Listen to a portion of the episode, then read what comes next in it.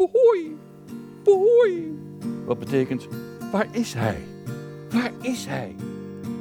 Somewhere in the Black Mountain Hills of Dakota, there lived a young boy named Rocky Raccoon. One day he swam ran off with another guy. Hit young Rocky in the eye. Rocky didn't like that. He said, "I'm Welkom bij Dierenverhalen van de Wadden, de podcast. Nou, eh, hartelijk welkom. Eh, we zijn ontzettend blij dat wij met z'n drieën eh, deze podcast mogen maken. Het is op basis van de voorstelling Dierenverhalen van de Wallen. Dat is een voorstelling die we hebben gemaakt in zaal 3 van Theater aan het Spui. Waar we elke avond voor het slapen gaan mensen een aantal dierenverhalen gingen voorlezen. Maar verder, voor ik verder ga wil ik eerst even onszelf introduceren. En begin jij maar ermee, Bill. Ja, ik ga beginnen. Nou, mijn naam is Billy. Ik ben eh, de zoon van Stefan en eh, de broer van Moos. En ik ben sinds juli afgestudeerd eh, acteur, dus in de voetsporen van vader. En ik ben daarom natuurlijk hartstikke blij dat, dat dit project op ons pad kwam. Het was onwijs leuk om te doen. Dan geef ik de voorstelbal door aan de meneer links, Moos. Nou, dankjewel Bill. Ehm, ik ben Moos, ik ben eh, 21 jaar. Ik studeer aan de Herman Brood Academie in Utrecht voor songwriting.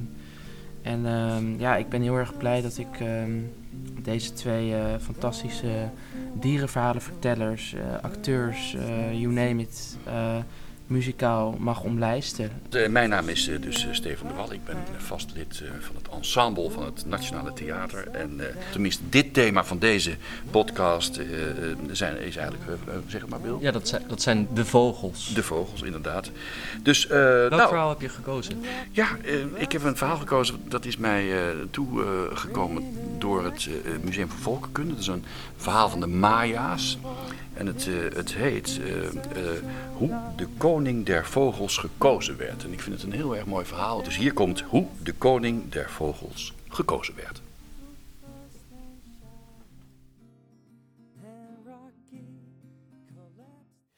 Lang, lang geleden, in het land van de Maya's, waakte Halak Uniek, de grote geest, over alles wat leeft. Op een dag werd hij echter moe van het constante gekibbel en gevecht van de vogels. Op een bijeenkomst in het midden van het bos kondigde hij aan dat de vogels een koning moesten kiezen om de vrede te bewaren. Natuurlijk dacht elke vogel dat hij de beste eigenschappen had. De kardinaalvogel bijvoorbeeld riep uit: "Ehm, eh, Ik kijk naar mij. Niemand anders is felrood en zo mooi. En alle vogels bewonderen me. Ik zou de koning moeten zijn. Of de tropische spotlijster die zong. Ik ben de enige vogel met zo'n prachtige stem. Iedereen luistert naar me. En de wilde kalkoen die schreeuwde. Er is geen twijfel over mogelijk dat ik koning zou moeten zijn, want ik ben de grootste en de sterkste vogel. Jullie hebben een krachtige koning nodig en dat ben ik. En de hele dag prezen verschillende vogels op deze manier hun kwaliteit aan. De enige die stil bleef was Koekoel, de kweetsal. Deze vogel was erg ambitieus en trots, maar zijn verenkleed was armoedig. Koekoel dacht dat het onmogelijk was om gekozen te worden als koning als hij zo sober, sober gekleed was. Nadat hij een tijd had nagedacht, vloog hij naar de renkoekoek. Hé, hey, renkoekoek, luister. Ik wil je een voorstel doen, mijn beste vriend. Jouw veren zijn zo mooi als die van elke vogel hier, maar jij hebt het te druk met je werk als boodschapper om koning te worden, weet je? Ook denk ik niet dat je de kwaliteiten hebt om een koning te worden. En ehm, ik kan deze kwaliteiten natuurlijk niet aan je uitlenen, maar jij kan me wel jouw veren lenen. Nadat ik tot koning gekozen ben, dan krijg je ze terug en dan zal ik je met rijkdom en met eer overladen en alles wat ik weet met je delen. Het was een verleidelijk aanbod. Maar de renkoekoek stond niet te popelen om zijn verenkleed te delen. Uiteindelijk overtuigde Koekoel zijn goedgelovige vriend. Eén voor één verdwenen de veren van de renkoekoek en de slimme Quetzal bevestigde ze aan zijn eigen lichaam. In enkele minuten waren ze vermenigvuldigd en gegroeid, zodat de ambitieuze vogel gekleed was in het mooiste kostuum dat je je kunt bedenken. Koekoels lichaam glanste met zachte, glinsterende tinten van blauw en groen, zoals de Maya-hemel en de Maya-jungle. Zijn borst schitterde met de kleuren van een tropische zonsondergang en zijn snavel kleurde zo geel als mais. Toen Quetzal de cirkel binnenkwam, werd iedereen stil. Vervolgens vulde uitroepen als bravo en hoera en oh en ah het hele bos. Halak Unjik was erg blij met deze wonderlijke verandering van de stille, kleurloze vogel naar dit stralende, trotse wezen voor hem. En de grote geest riep het publiek tot de orde en sprak: Ik benoem de Quetzal tot koning der vogels. Een luid applaus volgde op deze mededeling. En elke vogel hopte naar de Quetzal om hem te feliciteren. Zeg, gefeliciteerd. Toen Koekoel begon met zijn nieuwe taken als koning, vond hij dat hij nooit tijd had om de geleende veren terug te geven. Hij vergat zijn belofte aan de renkoekoek zelfs helemaal. Na een poosje merkte een groep vogels op dat de renkoekoek al voor een paar dagen niet gezien was. Sterker nog, niemand had hem gezien sinds de grote verkiezing. Ze begonnen Koekoel te verdenken van een of andere truc. Diep in het bos, achter een struik, vonden ze de renkoekoek. Naakt, trillend van de kou en bijna dood van de honger. Snel gaven de vogels hem wat baltje, een, een honingdrankje, om hem aan te sterken. Toen hij weer kracht had om te praten, vertelde de renkoekoek hen over de vrede misleiding door de kwetsal. Hij bleef zeggen, pohoei, pohoei, wat betekent, waar is hij? Waar is hij in de Maya-taal? Alle vogels hadden medelijden met de renkoekoek en besloten dat ze allemaal een paar veren moesten doneren om hem te bedekken. En dat is waarom de veren van de renkoekoek nu zo vreemd gekleurd en verschillend van patroon zijn. En waarom hij de Maya-wegen altijd in de gaten houdt. Hij is nog steeds op zoek naar de kweetsal die zijn verenkleed wegnam. En hij rent altijd rond terwijl hij aan reizigers vraagt: Wat is jouw favoriete vogel? Jeetje, Bill, dat vind ik heel moeilijk. Ik, ik vind heel veel vogels heel. eh, ik, ik vind een kip wel, eh, wel leuk. Die leggen een ei. Daar hou ik ook van. nee, nee, ik vind. Ja, dat, eh, ja eh, dat denk ik. Ja. ja. En jij? Wat is jouw voor jou? Een meeuw. Een meeuw. Ja. En van, van jou, Moos? Een duif. Nou, een, Nou. een duif. Kijk eens aan. Nou, Lekker leuk. Hollandse Nou, vogels. maar mooie vogels. Hey, eh, Moos, eh, wil jij misschien vertellen wat er nu gaat komen? Want dat, dat is jouw straatje. Ja, nee, dat klopt. We, we hebben nu ehm, krijgen we muziek. We gaan luisteren naar een fragment uit een van onze voorstellingen. waarin Floor Wijnenburg eh, het lied Somewhere Over the Rainbow zingt. Uit, van Judy Garland uit de musical The Wizard of Oz. En ehm, ja, we gaan daar naar luisteren. En eh, dat, dat, eh, er komen bluebirds in voor. Het is helemaal in het thema van de vogelaflevering. En ze wordt begeleid door, Ja, eh, ja door, door mij. Ja. niet onbelangrijk.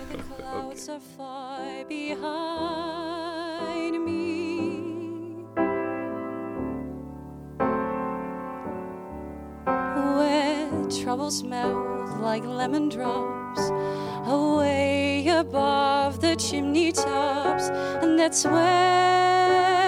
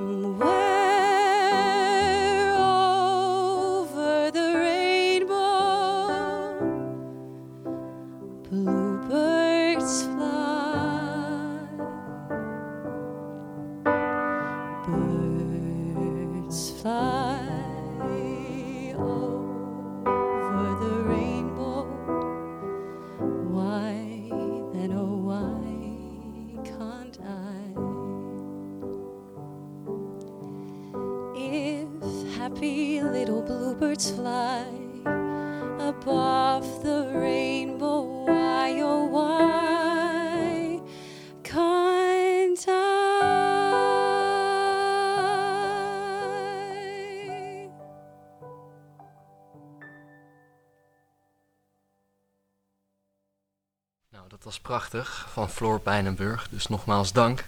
Ehm, we komen nu bij een gedeelte eh, waarin ehm, in de voorstelling was de mogelijkheid voor het publiek om verhaaltjes in te sturen, die vervolgens door ons gelezen werden. Er was één schrijver die daar met kop en schouders bovenuit stak en dat was Toon Tellige.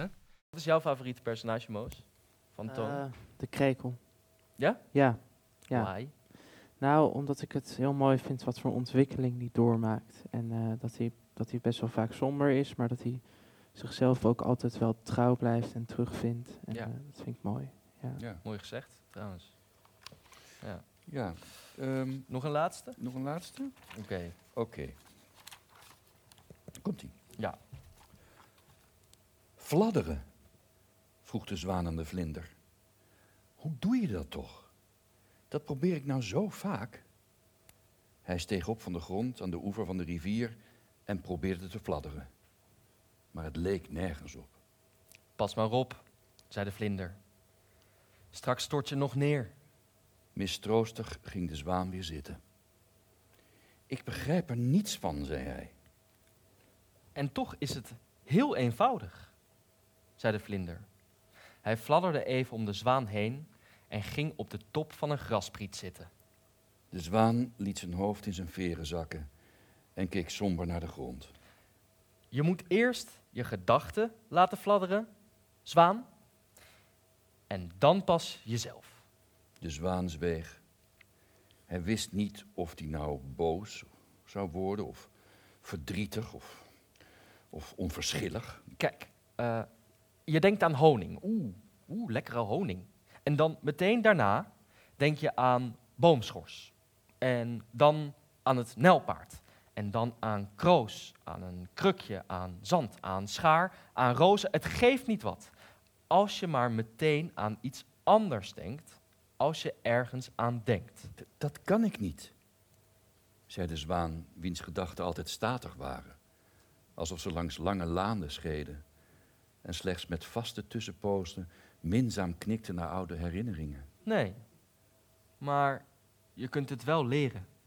En zo, op die warme, wolkeloze dag aan de oever van de rivier, kreeg de zwaan les van de vlinder. Hij leerde van de hak op de tak te springen, rommelig te zijn, nooit iets zeker te willen weten, maar ook nooit iets over te slaan. Iets is niets. Dat wel. Maar, maar alles is wel alles. En niets? Dat zei ik net. Dat is iets. Er vielen gaten in de gedachten van de zwaan. Flarden. Flarden raakte er los en woeien weg. En tegen het eind van de middag was niet één van zijn gedachten meer statig of recht. Met grote ogen keek hij om zich heen. Zijn hart bonste en toen de vlinder hem opeens een duw gaf, sprong hij op en fladderde hij rond, totdat hij op de grond viel. Auw! Maar hij lachte. Zie je wel? Eh, nu kun je misschien nooit meer over de horizon verdwijnen of boven de wolken opstijgen. En ook zul je misschien nooit meer urenlang kunnen doorvliegen. Maar je kunt fladderen. De zon ging juist onder en samen fladderden ze rond door de dunne avondnevels. Ze doken onder een paardenbloem door, beschreven lussen tussen de takken van de wilg en wensten elkaar tenslotte geluk met alles. Wat was alles ook alweer? vroeg de zwaan terwijl hij een scherpe bocht nam en rakelings langs een klaproos scheerde. Alles. Oh ja. Hoe kon ik dat nou vergeten? Ja, Hmm, mooie verhalen. mooi. Ik zat gisteren met eh, John de Weert van zaal, van zaal 3. Dus die, ze, ze- ze waren nog iets aan het drinken. En hij heeft heel goed contact met Toon Tellige.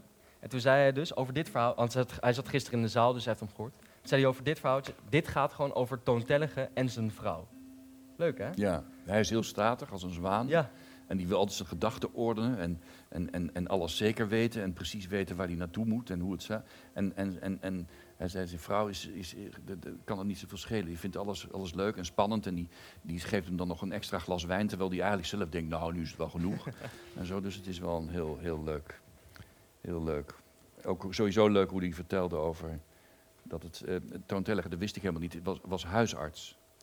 En hij is pas op latere leeftijd gaan schrijven. En hij vertelt dus, eh, al die verhaaltjes gaan natuurlijk over, eigenlijk over mensen. Over de types die hij in zijn, in zijn praktijk heeft gezien. Ja, dan gaan we nu weer door met muziek. Ehm, een cover. In de andere podcast zult u meer eigen werk horen, maar ehm, deze podcast eh, wat meer covers eh, vanwege het vogelthema. Ik had geen liedjes over vogels. Ehm, en ja, dat is Blackbird van de Beatles. In een beetje een country-achtige versie ervan. Eh, dat ga ik samen spelen. Ik speel het op gitaar en eh, het wordt gezongen door Billy de Wallen, mijn broer, en Chet Moorland. Eh, dus hier is Blackbird. Blackbird singing in the dead of night. Take these broken wings and learn to fly. All your life, you were only waiting for this moment to arise.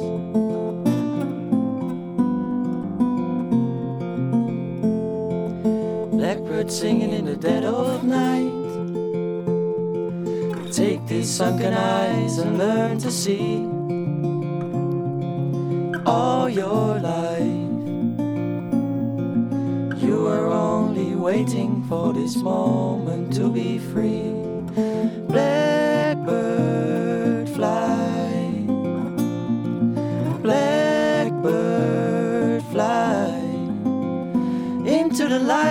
Dark